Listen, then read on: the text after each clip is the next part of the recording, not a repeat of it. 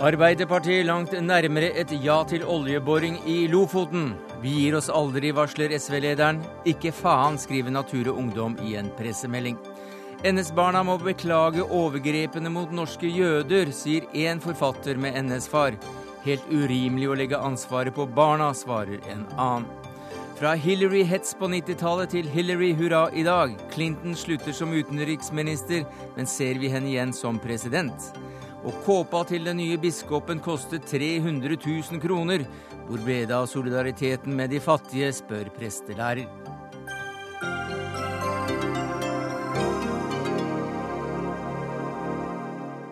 Ja, Det er noen av sakene i Dagsnytt 18 denne torsdagen, da det også ble kjent at Arbeiderpartiets programkomité ønsker en konsekvensutredning for oljeboring også i de omstridte områdene rundt Lofoten.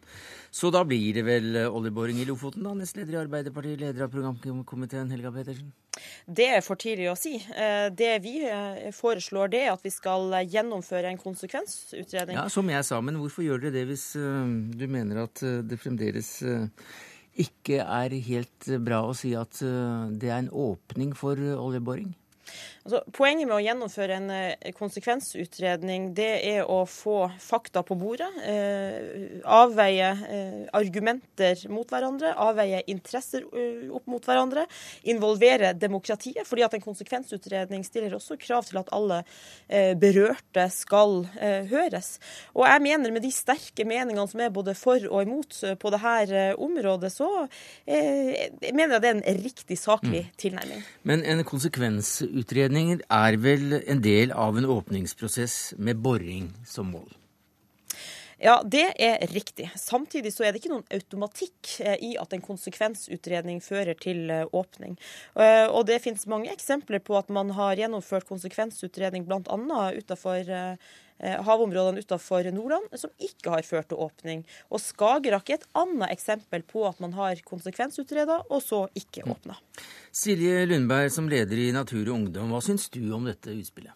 Jeg synes at eh, programkomiteen til Arbeiderpartiet med dette forslaget viser at de ganske rått greier å overkjøre alle miljøfaglige etater sine eh, anbefalinger, og også at de veldig enkelt greier å lukke ørene også for det som fiskerinæringa har krevd og fortsatt krever, og som de også har vært ute og sagt i dag. At, nemlig at de ikke ønsker en åpning av de her områdene. Men du hører jo at det er ikke en åpning du går inn for, det er en konsekvensutredning. Det der blir en helt villedende debatt. Og det er jo det smarteste sjakktrekket sikkert som de her, dem som ønsker en, en oljeboring i de her områdene noensinne har funnet på. Og det er jo heller bare begynne å, å ha denne debatten om konsekvensutredning. Men det har aldri i norgeshistorien blitt foretatt en konsekvensutredning uten at nye havområder har blitt åpna opp for oljeboring.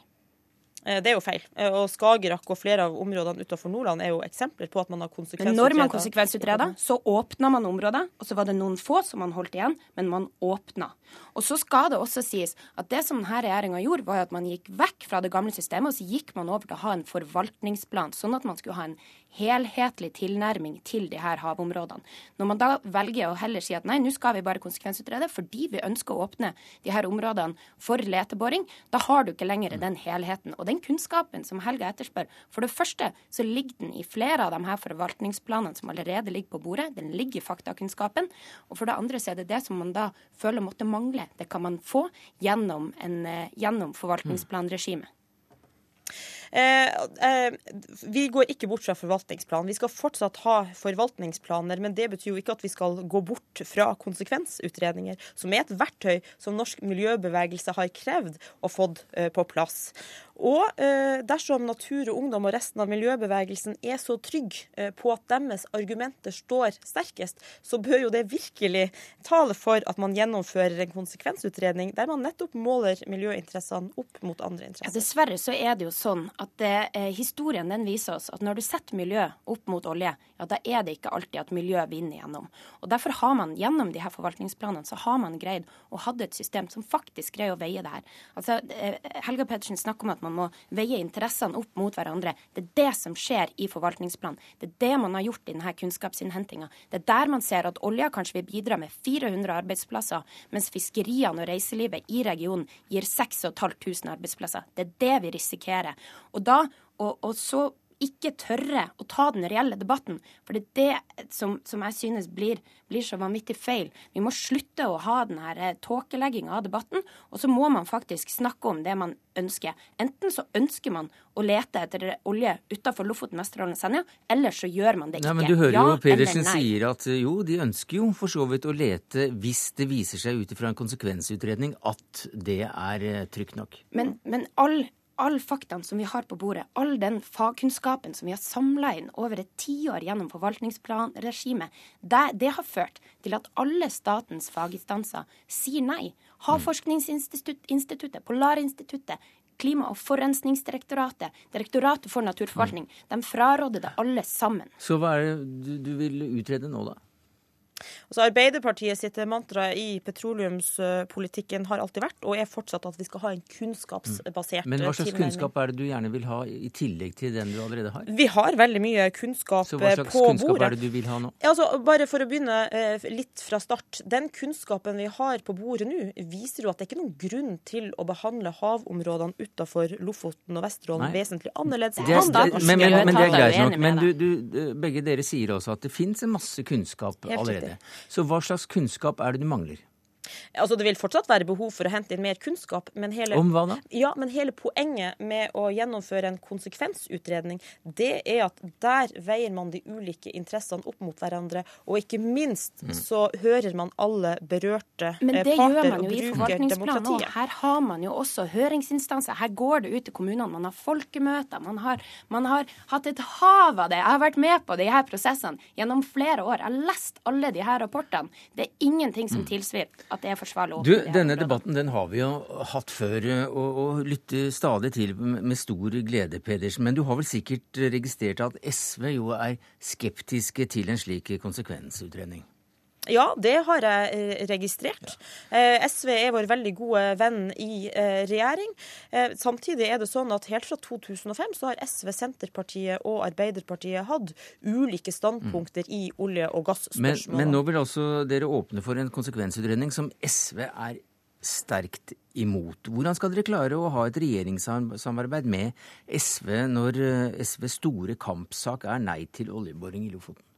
Ja, For det første vil jeg si at uh, vårt mål er fortsatt rød-grønt regjeringssamarbeid uh, med hvordan, SV. Hvordan passer det med at dere nå går rett inn på noe av det, de ømmeste tærne som SV har? Det er ikke noe nytt at Arbeiderpartiet og SV har uh, ulikt standpunkt i Nei, denne type spørsmål. det er, det er nytt at det, dere vil ha det inn i programmet, at dere går inn for en konsekvensutredning? Det er riktig, men det vår felles historie har vist siden 2005 Men Hvorfor gjør dere det nå? Eh, fordi at vi mener at det kunnskapsgrunnlaget vi fikk på plass eh, sist eh, høst, tilsier at vi bør gå videre med en konsekvensutredning. Men et, et, et slikt standpunkt, for å stille et spørsmål på en annen måte, øker vel ikke akkurat begeistringen for fire nye år regjeringspartene imellom? Arbeiderpartiet og SV og Senterpartiet står sammen om de fleste større politiske spørsmålene i Norge. Ja, men Ganske stort dette her da for SV? Dette er en uh, viktig sak, men det er som sagt ikke noe nytt at Nei. våre partier har ulikt standpunkt uh, i olje- og gasspørsmål. Men det vår felles historie har vist, er at vi klarer å finne sammen mm. også i de vanskelige spørsmålene. Men det er såpass betent dette her at du ikke har noe lyst til å snakke med SV-leder Audun uh, Lysbakken her i Dagsnytt 18. Nå kommer han inn i studio, men, men, men du vil ikke møte han i debatt. Hvorfor ikke det?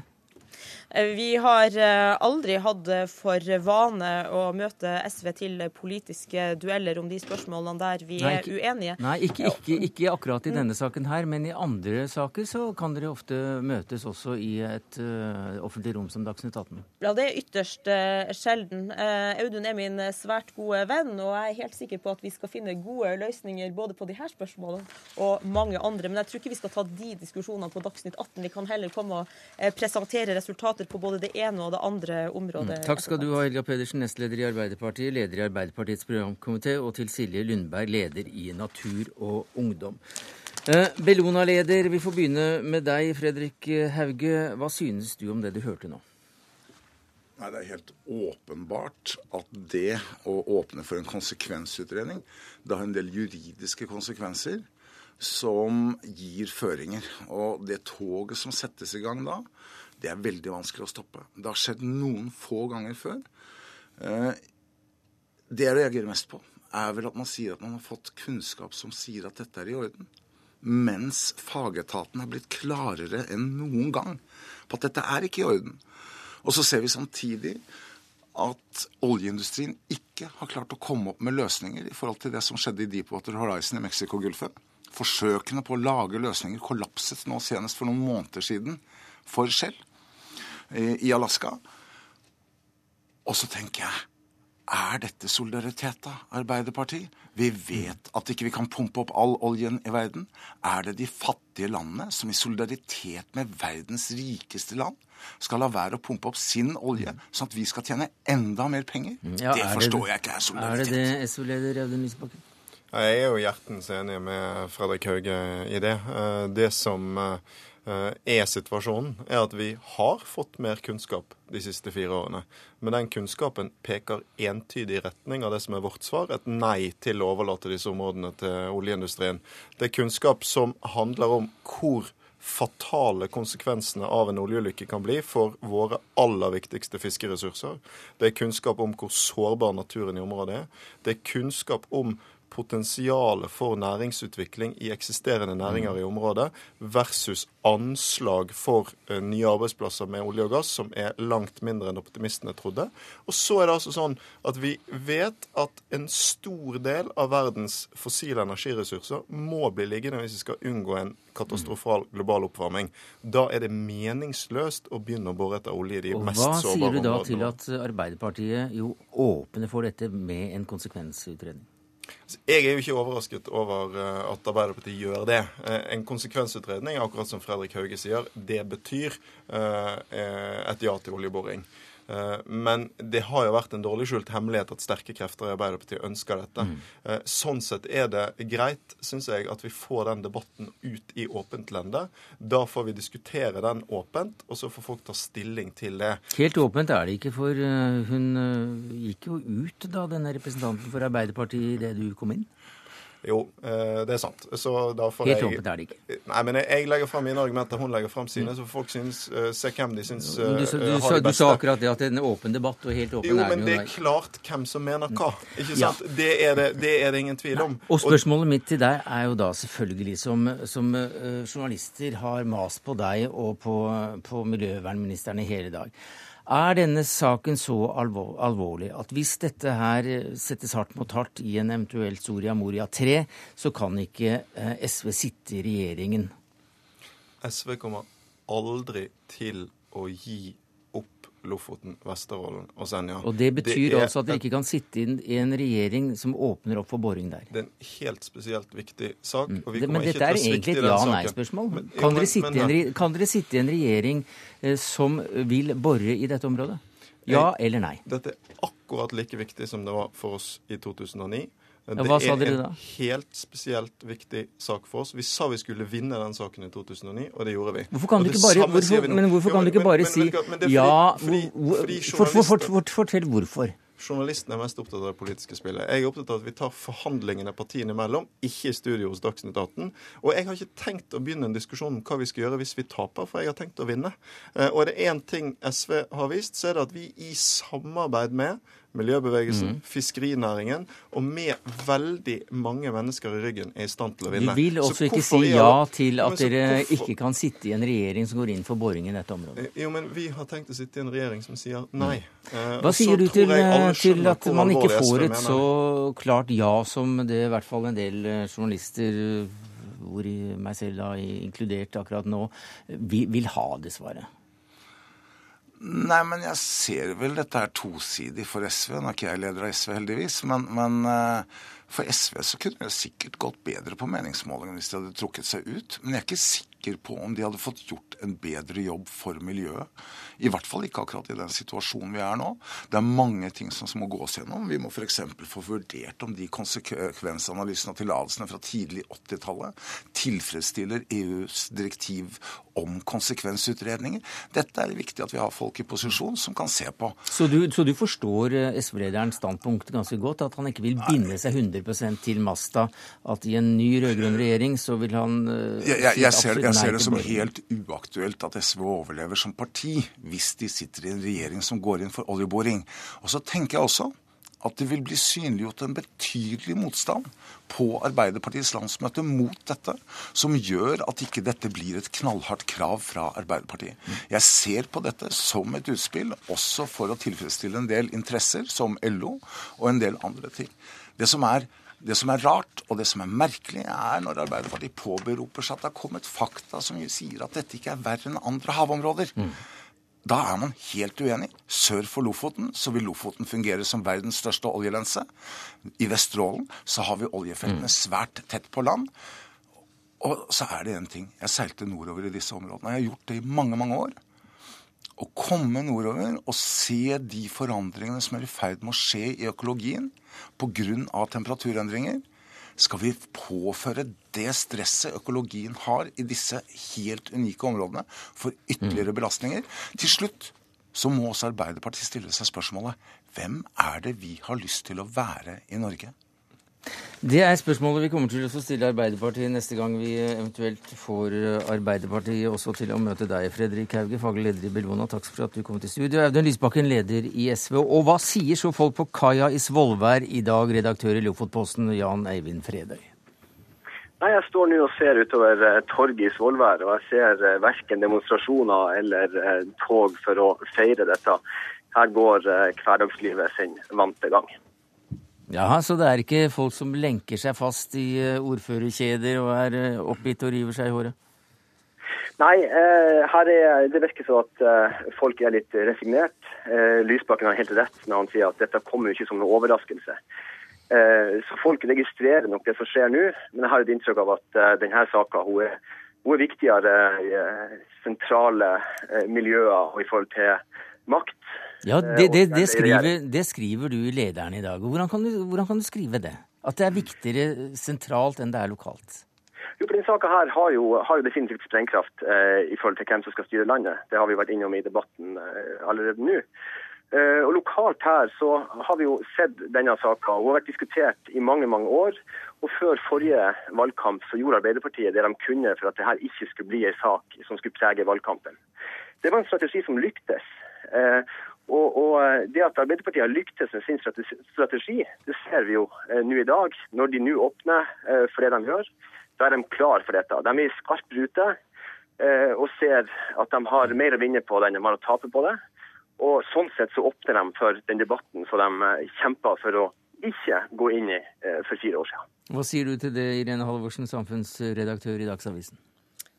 Det er jeg usikker på. Jeg tror, jeg tror, det bare var et spørsmål om tid før denne saken kom opp igjen. Jeg er helt uavhengig av hvordan strategien var ved forrige stortingsvalg. Ehm, det ligger en, en politisk tyngdekraft i en sak som dette for Arbeiderpartiet. Arbeiderpartiet er tuftet på teknologioptimisme. Eh, har tro på at næringslivsinteresser skal kunne gå hånd i hånd med f.eks. fiskeri. Og det er ingen eksempler som jeg kan finne i hvert fall, på at Arbeiderpartiet har gått inn for vern, langsiktig vern, når sterke, tunge økonomiske interesser eh, står imot og banker på. Men hvorfor skjer dette nå, Fridtjof Jacobsen, eh, kommentator i VG? Fordi det snart er valg, og fordi eh, det som antageligvis er et ganske klart flertall i Arbeiderpartiet, ønsker å gå ett skritt videre mot å åpne Lofoten, Vesterålen og Senja for oljevirksomhet. Eh, noe innstillingen fra programkomiteen, hvor det var 15 eller 16 medlemmer, det var bare én som gikk imot, viser at det er, eh, det er bred stemning Arbeid, i Arbeiderpartiet for å, for å, ta ett skritt videre mot oljeleting utenfor Lofoten. Eh, og det er heller ikke noe vinnersak å være mot eh, olje i nord, eh, verken i nord eh, for Arbeiderpartiet eller spesielt i de oljeindustrimiljøene på Vestlandet hvor Arbeiderpartiet sliter voldsomt. Så de er nødt til å være noe mer på ballen enn de var sist, da det var litt mer lunkent. Hva sier du til det maktspillet som nå tydeligvis foregår inn i, av de regjeringen, Magnus Takvam, politisk kommentator i NRK? Det er jo klart at med, det er en kriseforståelse i eh, både Arbeiderpartiet og SV med de tallene man har på meningsmålingene, og realismen i, i at det kan bli et valgnederlag. Eh, kombinasjonen av det gjør selvfølgelig at partiene reindyrker sine eh, egne standpunkter og har først eh, i, i, bevisstheten hvordan kan jeg, mitt parti, greie å mobilisere mest mulig ut fra den håpløse situasjonen vi er i. Og da er det klart at det blir en del smerter mellom de partiene som nå regjerer sammen. Men det er mulig, altså hvis man tenker ut fra SV og Arbeiderpartiets uh, interesser, så kan dette være en god sak for begge partier. Uh, hvis man tenker uh, ideelt sett, at man på en måte deler velgerbefolkningen litt seg imellom. At SV kanskje da greier å dra noen nye velgere, gamle velgere tilbake med en god miljøsak. og Arbeiderpartiet får sine kjernetropper mm. tilbake. Men om det går slik, er jeg slett ikke sikker på. Jeg tror også etter snart eh, åtte år med rød-grønn regjering, så, eh, så, har de blitt ganske gode på å skjule eh, til dels ganske opprivende uenigheter internt i denne regjeringen eh, for offentligheten. Til nå? Ja, altså nå er det snart valg, og da er det klart at det er en del saker som tre partier vil være uenige om. Det er ikke bare Lofoten. Det er en del sånne etiske spørsmål rundt bioteknologi, hvor det er helt uforsonlige standpunkter i de tre partiene. Så er det noen grunnleggende standpunkter om EØS og sånne ting. Men, men akkurat denne Lofoten-saken, jeg tror ikke den som noen sier har liksom sprengkraft til å ødelegge det rød-grønne samarbeidet. Dette har de vært relativt uenige om siden 2005. De har jo håndtert med kompromisser. Hvis det blir en ny rød-grønn regjering, så, så, tror jeg de klarer å håndtere to forskjellige Lofoten-standpunkter i den også. Ja, det tror jeg også. Og det, jeg tror det er et viktig poeng. For det er helt riktig som Audun Lysbakken, SV-leder Audun Lysbakken sa her i stad, at det er en veldig godt kjent hemmelighet uh, hva arbeid, veldig sterke krefter i Arbeiderpartiet har ønsket seg i denne saken. Det er ikke noen uh, det er ingen hemmelighet. Men det skal sies at denne, da denne saken ble kjent, så var det ganske hektisk møteaktivitet eh, langt utover kvelden og natta. Og mange i SV var først veldig sjokkert og, så, og sinte. Og så gikk det over eh, til at de ble mer sånn så mulighetene i det da, til å mobilisere. Og, og, og vinne, og vinne velgere på det. Det er jo en av de få sakene som alle meningsmålinger viser at SV fortsatt har maksimal troverdighet på. Det er det, en av deres absolutt mest mobiliserende saksfelter.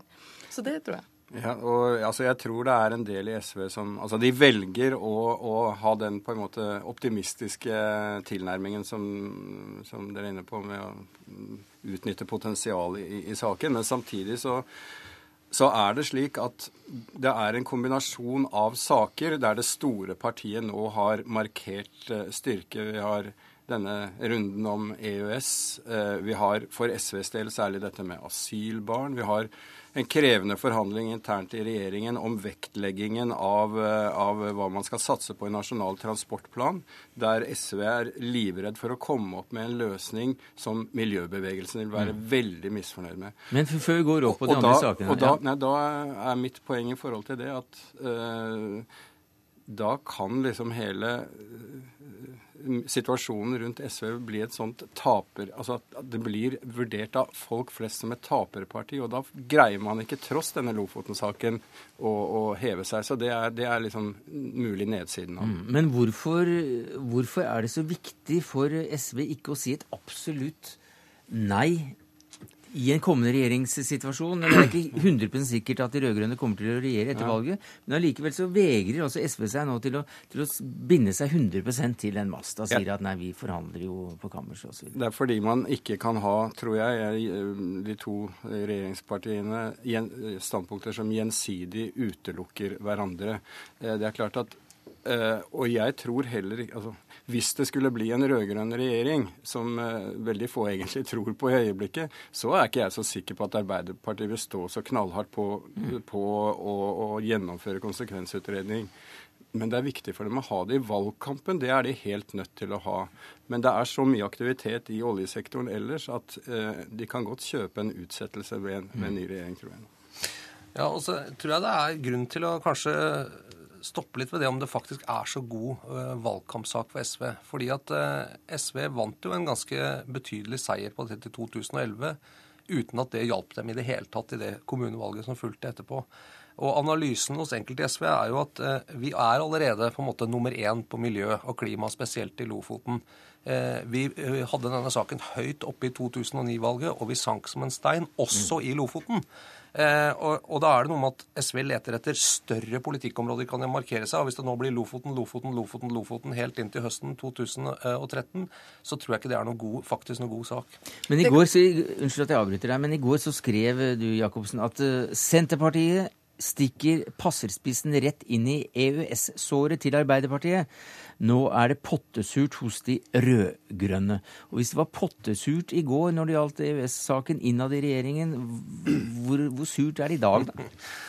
Ja, Det, det vet du vel best selv. Det er, men nei, det som jeg tror med EØS-saken som er litt forskjellig, er at i EØS-saken så sliter Arbeiderpartiet med en ganske engasjert, ikke så stor, men en engasjert og nesten militant indre opposisjon, bl.a. i LO som lager eh, si, det som oppfattes av ledelsen som mye sånn unødvendig EØS-kvalm og ganske sånn militant tone. Og når Senterpartiet driver og appellerer til akkurat de kreftene, som truer liksom med flere vetoer, flere motstand mot EØS-direktiver, at ikke det bare er en sånn sak som ruller og går automatisk for Jens Stoltenberg og Espen Barth Eide og de andre på toppen, så blir de forbanna mm. fordi de vet at det der, der er et ømt punkt. Eh, akkurat oljeboring i Lofoten er ikke så veldig ømt punkt i Arbeiderpartiet. Nei, det, ja. Ja, det er jeg helt enig i. Pluss at uh, jeg tror at akkurat timingen for dette, det, det, måtte komme, det tror jeg. Og fordi programprosessen er i gang, så ville det bli kjent. Og det var sentralstyremøte i Arbeiderpartiet på mandag, og da var det plutselig enda flere som visste ikke sant, hvordan denne programkomiteen plasserte seg. Eh, men det er jo litt sånn ugreit for Jens Stoltenberg når han så hardt og grundig har prøvd å piske småpartnerne på plass, og så rulle ut eh, da med et sånt uh, som virker veldig maktarrogant, da, et sånt type standpunkt. Ja, EØS i går og ja, oljeboring i dag. Hørte, Hva skjer i morgen? Ja, ikke sant. Men når du hørte Aps parlamentariske leder Helga Pedersen på TV i går, så hun, hadde jo hun et ordvalg som lignet, ufer, altså lignet, veldig mye på det SV og Senterpartiet har brukt gjennom EØS-striden. Mm. Så det, det, var liksom en veldig eh, intens følelse av déjà vu, mm. men uh, en, et bytte av hatter. Men gjør dette her noe med klima, samarbeidsklimaet innad i regjeringen, lojalitetsfølelsen? Det, er, det, skal jo være ett kollege, men ja, Magnus Stakman? Jeg tror det ligger i, i kortene altså at uh, når valgkampen inntrer, da er det en, en del andre lover som, som plutselig uh, gjelder for uh, en, en, koalisjon. Men det er selvfølgelig grenser der også. men når det gjelder timingen akkurat nå, så tror jeg ett poeng for Arbeiderpartiet har vært å løfte den saken ut av den generelle presentasjonen av programmet. for at Nettopp fordi de mener den ikke skal dominere så mye. Og hadde de ikke gjort det, så ville det alt, alt på deres programpresentasjon mm. senere handlet om det, denne saken.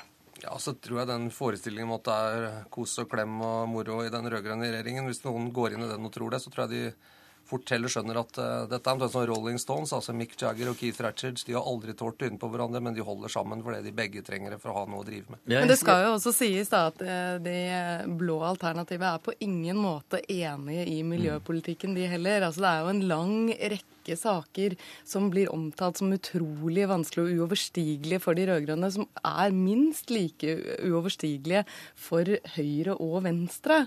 Så at eh, Venstre kan meget fort havne i SVs eh, posisjon, de som et sånt eh, å si nei, nei, nei i mm. kroken. Det er ikke sikkert at det hjelper sånn. Men jeg, jeg ser at uh, Magne Lerøe i Ukeavisen Ledelse sier at dette kommer til å sprenge regjeringen. SV kommer til å forlate regjeringen før valget. Ja, Da vet han noe jeg ikke vet, altså. Hva vet du om dette? Nei, altså, det er ting som altså, I en såpass krisepreget situasjon som det er, der SV ser muligheten for å komme under sperregrensa, så tenker man høyt om mange ting seg imellom også den typen opsjoner. Så dette er tankegods som er, er forankret ja, selvfølgelig i Selvfølgelig er det det. Ja. Men eh, jeg, jeg, tror ikke eh, at når det kommer til stykket, er noen som legger opp til det. Og man vil helst unngå det. og oppløse en regjering rundt påsketider før et valg vil ha så sterk altså på en måte Det vil, det vil demobilisere så mye at de som tror at det kan gi en, en sprøyt inn i, i, i valgkampen, de tar, de tar, feil. Og det tror jeg også SV ser. Takk skal du ha, Magnus Takvam, politisk kommentator i NRK. Irene Halvorsen, samfunnsredaktør i Dagsavisen. Fridtjof Jacobsen, kommentator i VG. Og til deg i Lofotposten, Jan Eivind Frede. Hør Dagsnytt 18 når du vil på nettradio eller som podkast. nrk.no – dagsnytt 18.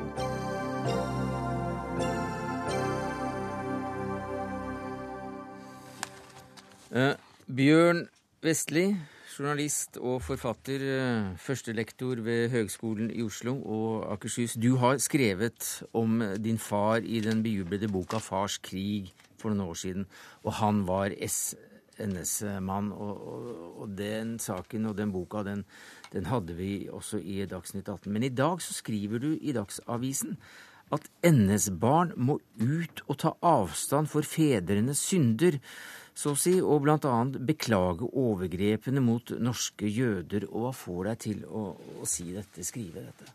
Ja eh, eh, I fjor så eh, så, så beklaget eh, statsminister Stoltenberg eh, på vegne av norske, norske stat at eh, deportasjonen av jødene Senere så gikk politidirektøren ut. Og så har det jo kommet en rekke nye bøker som ytterligere legger, legger frem fakta om hva som faktisk skjedde under krigen.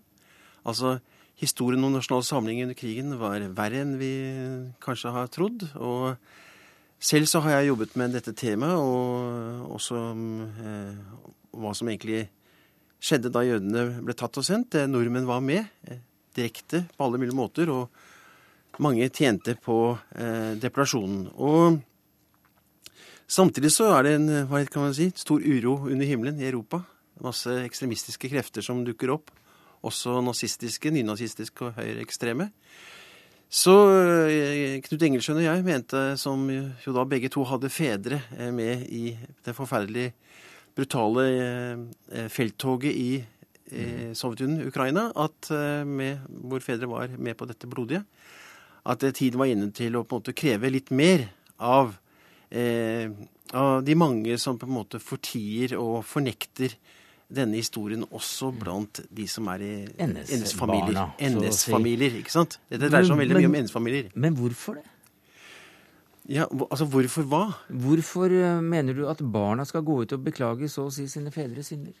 Nei, Det er mer en, en form for en opp, oppfordring. Ja. Det er ikke et krav Nei, fra vår krav. side. Men, Men hvorfor oppfordrer vi, du til det? Jo, jo, fordi at vi vet at tysk og norsk forskning viser at at de eh, har jo nettopp forsket på hvordan historien om krigen er blitt fortalt i nettopp NS-familier og i tyske nazistfamilier. Og det, der er, der er uh, fortielsen og fornektelsen ganske, ganske, åpenbar. Det er det ene. Det andre er at det som er ganske problematisk, det er at det finnes to såkalte NS-barnforeninger i Norge hvor eh, begge disse foreningene eh, har et eh, mildt sagt frynsete forhold til krigen. Langt vei på en beskyttelse, og beskyttelse av sine egne familier. og NS-familiene. Mm. Og også fornektelse av hva de faktisk var med på. sånn at det er liksom det er et, et, Istedenfor at vi lager en liste med 1000 navn over NS-ere som gjorde gale ting under krigen, så mener vi at vi, vi oppfordrer til en intern renselse i disse familiene. Og dette har, jeg fått, dette, dette har jeg fått et fantastisk brev i dag morges fra en person som nettopp understreker akkurat dette, eh, viktigheten av dette. Turi Nystøl Rian, du er også forfatter, og du er også NS-barn. Men eh, du er ikke enig i Vestlis eh, oppfordring, så å si? Jeg syns rent prinsipielt så er det veldig betenkelig at barn skal føle ansvar eller skyld for eh, holdning eller handling som far hadde i en gitt historisk kontekst. Da eh, landet var Tyskerne sto i landet. Kongen og regjeringen i, var i London. Og det var eh, det var jo eh, mye kaos, og veldig mye av hverdagslivet for folk flest gikk jo på overlevelse. Eh, hvordan skal vi komme oss gjennom krigen? Mm. Hvordan skal vi komme oss gjennom dette? Å skjære alle NS-barn over én lest. Eh, at man skal, eh, slik som jeg leste Dagsavisen i dag i hvert fall, eh, stå frem og beklage eh, jødedeportasjonen, f.eks. Altså, jeg må bare da tilføye at eh, Bjørn Vestli skal ha full honnør for hans bidrag til at eh, eh, forholdene rundt eh, jødedeportasjonen ble klarlagt.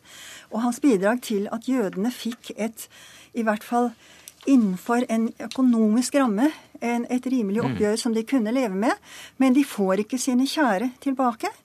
Og eh, jødene må leve med sine sår på samme måte som vi NS-barn må leve med våre sår. Men ville det ikke vært en renselse, slik det blir sagt her, om eh, man da gikk ut og tok så klar avstand fra det som hendte, som det som oppfordres til? Altså som eh, et menneske som lever i dag, så vil jeg jo bare si at eh, jødedeportasjonen er et sår i samfunnslegemet. Eh, det var forferdelig, men hva min far visste eller ikke visste om det Jeg aner ikke. Jeg har aldri hørt han eh, uttale et eneste negativt ord om jøder. Hva kunne han vite? Hva burde han vite? Altså, det er umulig å vite. Han tok nå det valget. Og derfor kan ikke du heller Jeg beklager. Ja, men eh, du heller oppfordrer andre til å gå ut og, og beklage på samme måte? Eh, jeg tror at renselsesprosesser skjer på en annen måte Mm. enn ved å gå ut eh, på oppfordring eller oppmoding av en mer eller mindre ideologisk diktert bakgrunn. Eh, Jeg tror renselsesprosess og selverkjennelsesprosess foregår på en annen måte. Man må gå inn i seg selv og konfrontere seg med sin egen emosjonelle smerte. Og prøve å forstå den og bearbeide den. Da kan man Da orker man å stå frem eh, som NS-barn, rett og slett. Det er akkurat det dette vårt eh, debattinnlegg eh, oppfordrer til. Ikke at folk skal eh, si, på gater og streder skal liksom fortelle 'jeg er NS-barn og jeg beklager'. Men rett og slett at dette skal starte en intern prosess i de familiene og de personene. Og det er, det, det er jo slik den eh, fars krig har fungert overfor mange. eh, Som har på en måte da klart å ta det opp og snakke med sine egne barn om hva som skjedde. Og så videre, ikke sant? Sånn at jeg tror at Vi har ikke, vi har ikke bedt at folk skal liksom skrifte på gater og torg. Men at rett og slett at dette skal virke inn i disse familiene. Fordi det, hører med til historien her at en av, disse, en av disse lederne for disse NS-barnforeningene han ble jo hyllet av Anders Behring Breivik i, hans, i rettssaken. Nemlig løftet fram som en person som nettopp har de riktige standpunktene som da Behring Breivik søker, at, søker å finne hos andre nordmenn. Så det er, det er ganske problematisk. Og dette brevet jeg fikk i dag, var denne personen som da som jo da også forteller hvilke holdninger som finnes i disse foreningene. Så poenget Dette er også et forsøk i, dette debattinnlegget å på en måte belyse hvilke onde krefter som faktisk finnes blant NS-barna, i hvert fall i deres foreninger. Så, man må også, eh, så det er et forsøk på å rydde opp i det også, ikke sant? Mm, det går jo an da også oppnå akkurat det, å, å rydde opp ved å oppfordre til at man, man står fram og tar et oppgjør, i hvert fall innad i egen familie. Ja, jeg tror ikke det finnes så mye ondskap blant NS-barna. Jeg tror det finnes veldig mye smerte og lidelse og fortvilelse. Og Ja, du snakker om en eh, Du snakker om eh, NS-barn som skjelver i, i Ja, musehullene altså, sine. jeg har lyst til å si at uh, Bjørn Vestli, du, du tilhører et politisk, ideologisk uh, sjikt som har veldig stor politisk makt og stor mediemakt. Mens, og du kan sitte oppe i ditt eh, tårn og fortelle andre hva de skal gjøre. Jeg plasserer min solidaritet hos de NS-barna som sitter og skjelver i sine musehull. Der har jeg selv sittet. Jeg, var, jeg var, eh, hadde voksne barn da jeg klarte å overkomme og fortelle dem om at jeg var NS-barn. Så dypt i ryggmargen sitter skammen og fornedrelsen hos mange NS-barn at det er ikke bare å stå frem og ta omkostningene. Eh, jeg kan bare snakke for meg selv og de som jeg har vært i kontakt med, ikke for andre. Jeg er ikke medlem av noen NS-barnforening eller eh, sammenslutning. Du må jo ikke tro at uh, dette ikke har vært vanskelig for meg. Det er nettopp derfor i alle disse årene jeg har jobbet med det på egen hånd, før jeg klarte å få krefter til å skrive den boka om faren min. Så jeg vet veldig godt hvor sårbart og vanskelig dette er. Eh, og det er nettopp derfor jeg gjennom det at jeg har stått frem og snakket uh, om det, som har gjort at jeg har fått kraft nok til å kunne uh, si de tingene jeg faktisk mener. Uh, slik at Så det skal ikke underslås at det har vært vanskelig for meg også. Men, men vi har ikke gjort noe galt. Det er, det er ikke vi som er skyldige. Eh, det, problemet er jo det at veldig mange i debatten fra NS-barnas sin side har jo på en måte lagt skylden på det norske samfunn. Det var jo våre fedre sitt ansvar for eh, den eventuelle skammen som vi måtte bære med oss. Det er det som er poenget. I det, det ligger det naturligvis et politisk stillingtagen mot nazismen. Og Det, det, det, det syns jeg er ganske viktig å, å holde fast på, nettopp mm. fordi jeg har den bakgrunnen. Ja, det er en ting til. Det er en sak til. Nemlig at eh, NS-barna ble utsatt for en demonisering av regjeringen i London som mangler sidestykke i europeisk krigshistorie. Den såkalte isfrontparolen, som i korthet gikk ut på at dine barn, altså du gode nordmenn, skal ikke være sammen med barn av de dårlige nordmenn. Altså i kortversjonen var sånn. Og det fikk veldig store konsekvenser for NS-barna, både under krigen, men ikke minst etter krigen. Og det er, har seg faktisk sånn at det å bruke barn som middel i krigføring blant eh, krigsherrer for å mm. skade eh, sin politiske fiende, det er det rammes i dag av Barnekonvensjonen. Hvis noen forsøker seg på det igjen, så, så banker krigsdomstolen på døra. Men, sånn at Ja, nei, nå vil jeg fortsette. Det er ikke det er ikke NS-barna som primært i første omgang skal be om unnskyldning. Det er de ansvarlige for, mm. eh, for demoniseringen av NS-barna, nærmere bestemt Arbeiderpartiet, som satt i London. De har ansvaret, den virker fremdeles. Den er ikke trukket tilbake, og den rammer oss fremdeles. Det er Arbeiderpartiet som skal be om unnskyldning. Mm, og da tror jeg flere her, vil komme ut. Ja, jeg, aldri, jeg har aldri, aldri, sagt at vi skal be om unnskyldning. Altså, Vi skal ikke be om unnskyldning på vegne av våre fedre. Det er bare, det er bare de som har gjort disse handlingene, som kan, kan, unnskylde det de har gjort. Vi kan ikke eh, Men dere kan ta avstand? Vi, vi, nei, vi tar avstand. Vi, be, mm. vi, beklager det våre, foreldre, våre fedre har vært med på. Det er det som er saken.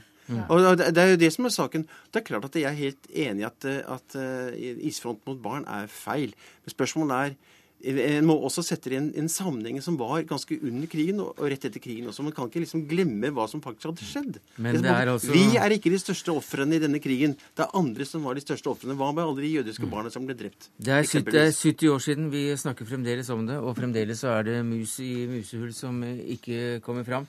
Noen mener altså at de bør komme fram og si fra. og og, og, beklage, ta avstand fra det som skjedde. Andre mener at de bør la være. Det er vel en slags oppsummering av det dere mener, Ture Nystøl Rian. Bjørn Vestli, begge to uh, forfattere og begge to NS-barn, takk skal dere ha.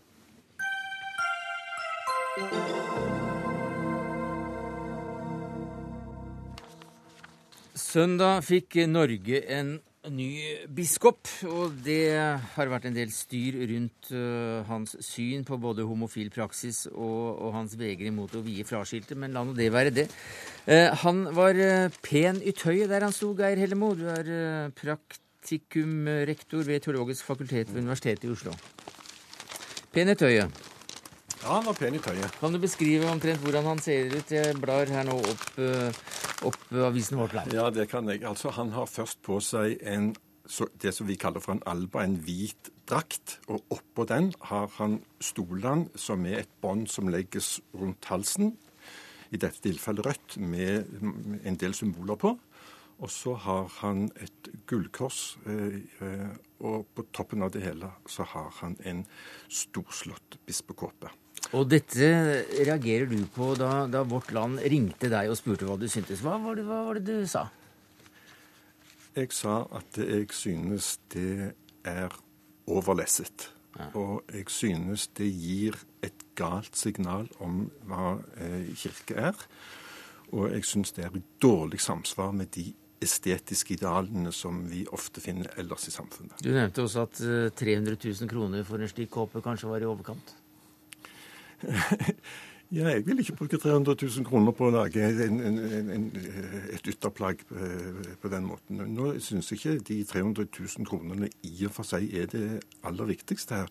Men det som for meg er viktig, det er at Kirken framstår med en form for edruelighet i møte eh, med mennesker og i offentligheten. Og dette gir ikke et edruelig inntrykk, etter mitt syn. Nei, for Du reagerte også på dette førstesidebildet der alle biskopene står i finstasen sin, kledd opp? Ja, altså Saken er jo den at når du har en eh, bispevigsling, så er det ikke bare én biskop som er der, men det er veldig mange mm. biskoper som har eh, underlige klær på seg.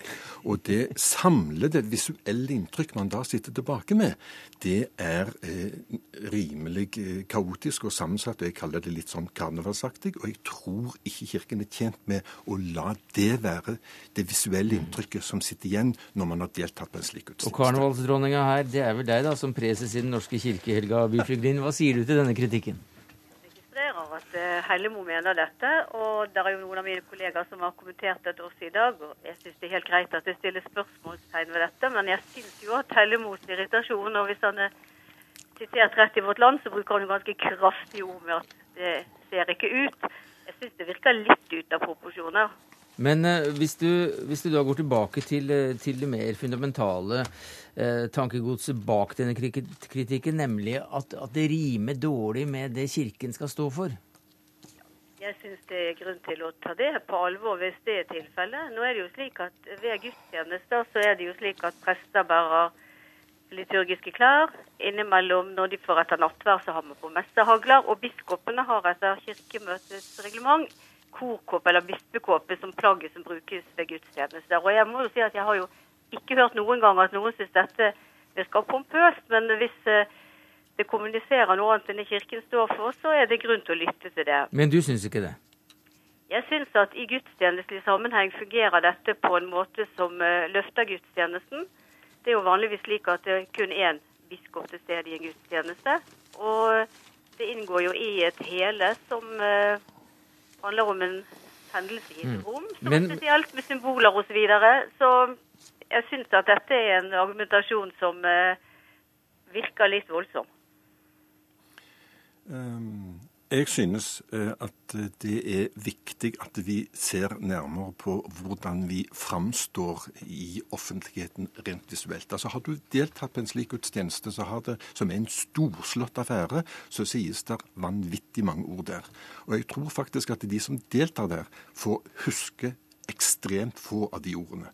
Men de sitter igjen med et visuelt inntrykk av eh, det som har skjedd. Og hvis det visuelle inntrykket du sitter eh, tilbake med, er at det er, samme hva biskop Helga sier, det er aparte hvis vi sammenligner med hvordan folk ellers ter seg i samfunnet. Jo, det er, er, for mange så er det jo aparte å stå og snakke om en gud i det hele tatt. sånn at uh, Hvis man først tror på Gud og skal gjøre noe som, som, som for Gud på vår jord, så hvorfor ikke kle seg litt annerledes?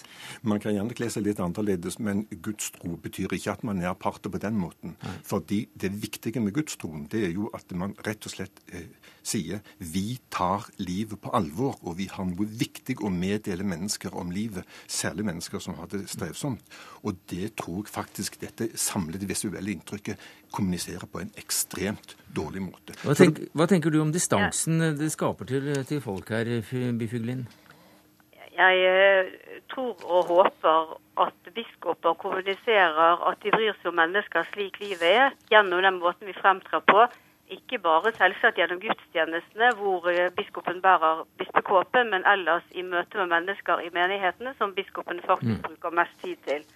Men Byfuglien, altså 300 000 kroner. I tillegg så er det visst en reisekappe som Magdi-biskopen har, til en skarve 100 000. Og det, selv det er jo mer enn en kronprinsesse fra landsdelen tar seg råd til.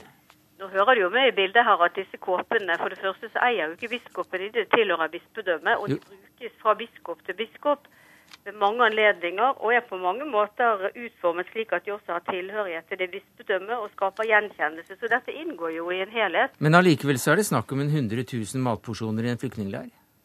Ja, og det må jo vi ta, ta inn over oss alle som lever i vårt samfunn, hva vi bruker klær og plagg og hva vi bruker våre midler til. Og Kirken vil selvsagt løfte frem dette perspektivet, men jeg føler at det er litt skjevt at dette handler om biskopenes påkledninger og prisen på disse. Og jeg har jo sett at Hellemo egentlig ikke heller løfter frem dette med prisen, men mer at det skaper avstand. Og man kan jo like gjerne tenke at det kommuniserer noe annerledes, slik som programlederen spør om. Takk skal du ha, Helga Haugland Byfuglin. Du fikk siste ordet siden du er preses i Den norske kirke. Geir Hellemo er da praktikumrektor på Teologisk fakultet ved Universitetet i Oslo. Takk skal du ha.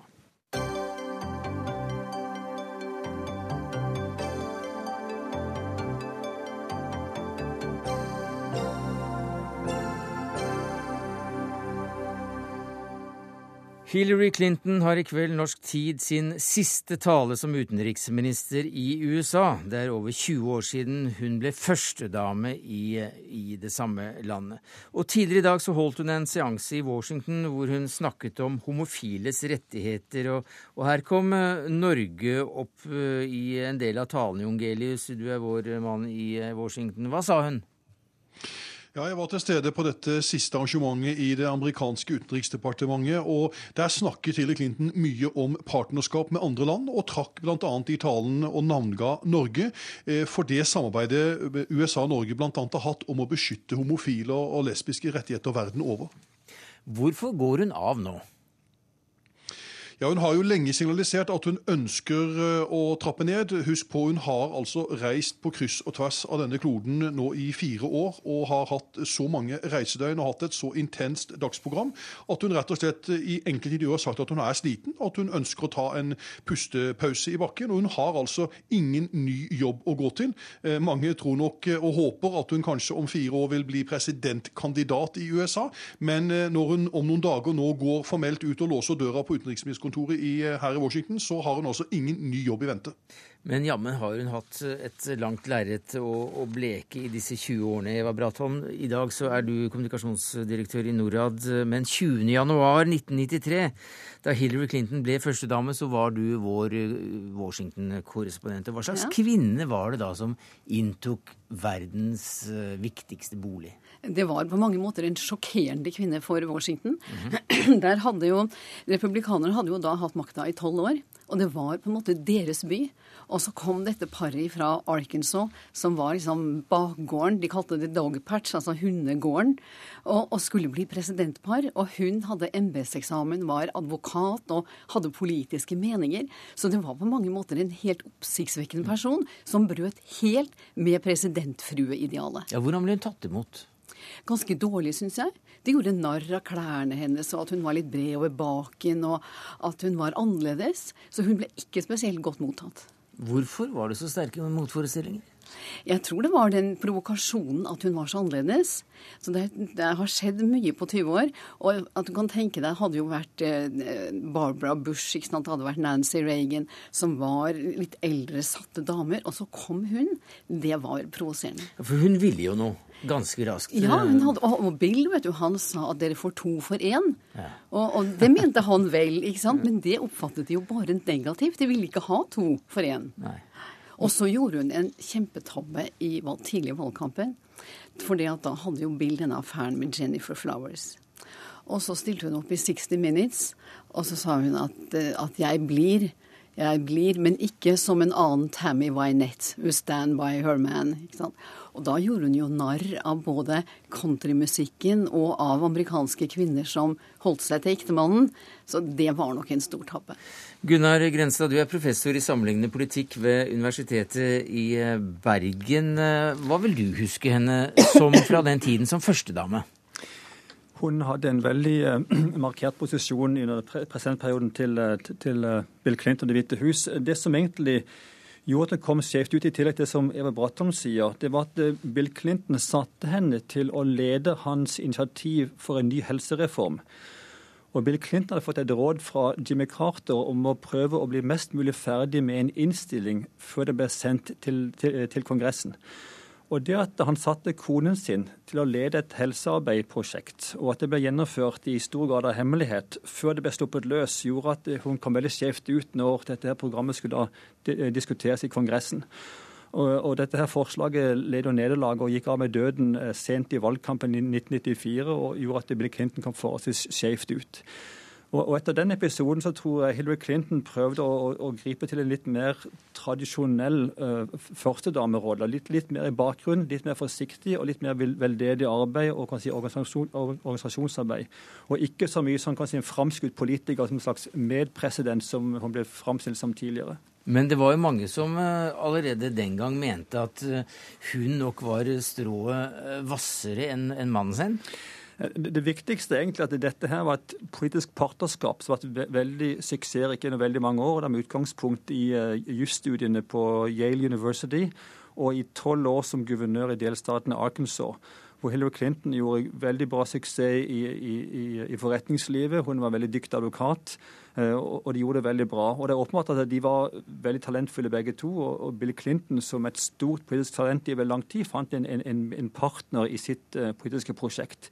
Hvorvidt hun var bedre eller ikke, det er forstått kanskje ikke så interessant, det, men begge to var dyktige, og, begge to måtte hjelpe hverandre fram i, i, i USA. Og Om eh, da eh, Hillary Clinton eh, sto, ble ved mannens side gjennom, gjennom ganske rufsete perioder mm. som, som, samliv betraktet, ja, så, så, har hun vel nytt godt av å ha en Bill Clinton ved sin eh, side som førstedame, eller som utenriksminister også? Ja, det tror jeg helt sikkert, og det er akkurat helt riktig dette at det var et, et veldig sterkt politisk par, dette, som, som, helt sikkert styrket hverandre.